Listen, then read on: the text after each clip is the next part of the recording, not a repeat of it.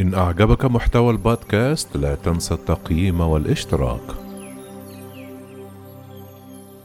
أكلوا لحوم الأموات للبقاء على قيد الحياة.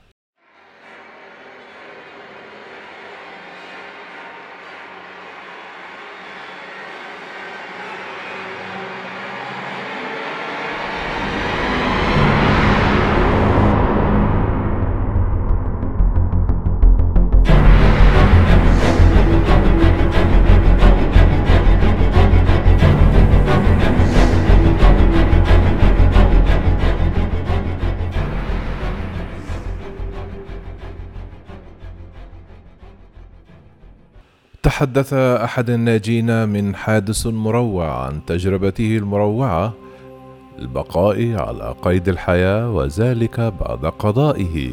72 يوما في جبال الأنديز عقب تحطم الطائرة التي كان يستقلها. كان خوسيه لويس يستقل طائرة متجهة إلى سانتياغو في تشيلي للمشاركة في مباراة رغبي حيث وقع الحادث. وقتها نقلت صحيفة مرور البريطانية عن خوصيه قبله. كانت الرياح عاتية والأمر الذي اضطرنا للتوقف في الأرجنتين لنواصل الرحلة في اليوم التالي في الثالث عشر من أكتوبر من عام 1972 وكان على متن الطائرة 42 راكباً. وأضاف بعد تسعون دقيقة من إقلاعنا واجهت الطائرة مطبا هوائيا قويا. وسمعت كابتن الطائرة وهو يستغيث. وتابع قائلا كانت الطائرة تنحدر بشدة. وكنا نتجه صوب الجبل أمامنا مباشرة حيث اصطدم جناح الطائرة بالصخور بعدما توقفت الطائرة. سمعت أصوات استغاثة وشاهدت جثثا كثيرة ولم يكن القسم الخلفي من المقاعد موجودا. أوضح خوسيه أن تعداد الناجين من حادث تحطم الطائرة كان سبعة وعشرون شخصا حيث عانوا من انخفاض شديد بدرجة حرارة أجسادهم وبين أن الناجين لجأوا إلى الجلوس متلاصقين وذلك للحفاظ على حرارة أجسامهم وخصوصا عندما حل الظلام. وبحسب خوسيه فقد استخدموا الحقائب التي عثروا عليها في حطام الطائرة ببناء ما يشبه الجدار لسد الثغرات في هيكل الطائرة ليحتموا من البرد القارس. وأشار إلى عثورهم على جهاز راديو سمعوا فيه خبر توقف السلطات عن عمليات البحث الجارية عن أي ناجين. وروى خوسيه صراعهم للبقاء على الحياة حيث قاموا بتسخين كميات من الثلوج يوميا تحت أشعة الشمس للحصول على مياه للشرب كما تقاسم الناجين الطعام الذين عثروا عليه في الحطام. وبعد انتهاء الطعام المتوفر أشار خوسيه إلى أنه بحث والناجين إمكانية أكل لحم الركاب المتوفين للبقاء على قيد الحياة.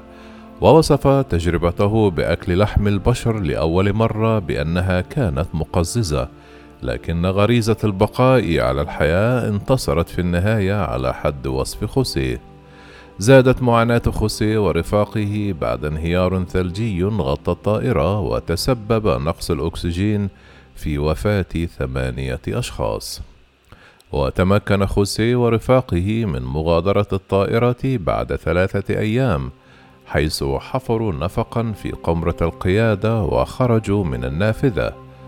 ولم يؤدي خروج خوسيه من الطائرة إلى نهاية معاناته حيث أصيب بالغرغرينة واضطر إلى إحداث جرح عميق للسماح للأكسجين بالوصول إلى موضع الإصابة وإطلاق الصديد المحتجز. بعدها لم يستطع خوسيه تناول الطعام وفقد 45 كيلو جراما من وزنه. لكن أصدقائه أحضروا له الماء وأصروا على حتمية أن يأكل. في الثاني عشر من ديسمبر من عام 1972 انطلق ناجيان سيرا على الأقدام إلى تشيلي طلبا للمساعدة وذلك بعدما حصل من زملائهما الذين كانوا في انتظارهم بموقع تحطم الطائرة على طعام وغطاء للتدفئة تم صنعه يدويا من الأدوات المتوفرة. وحدثت المفاجأة بنجاح الاثنين في عبور جبال الأنديز ليسمع الباقون في الثاني والعشرون من ديسمبر من عام 1972 صوت مروحيات إنقاذ. وتحدث خوسيه واصفا شعوره قائلا كان صوت مروحية الإنقاذ أجمل موسيقى سمعتها في حياتي. لم يتمكن أهلي من معرفتي لدى زيارتهم لي في المستشفى حيث فقدت نصف وزني. وعن الخلاصة التي توصل إليها من تجربته أوضح خوسيه رأيت على ذلك الجبل أفضل ما في الروح البشرية. كيف حاربنا جميعا ضد كل الصعاب؟ تعلمت هناك أن العطاء هو مفتاح السعادة. على الرغم من أننا لا نمتلك أي شيء فقد قدمنا كل ما لدينا لبعضنا البعض وأشعر بالفخر لذلك.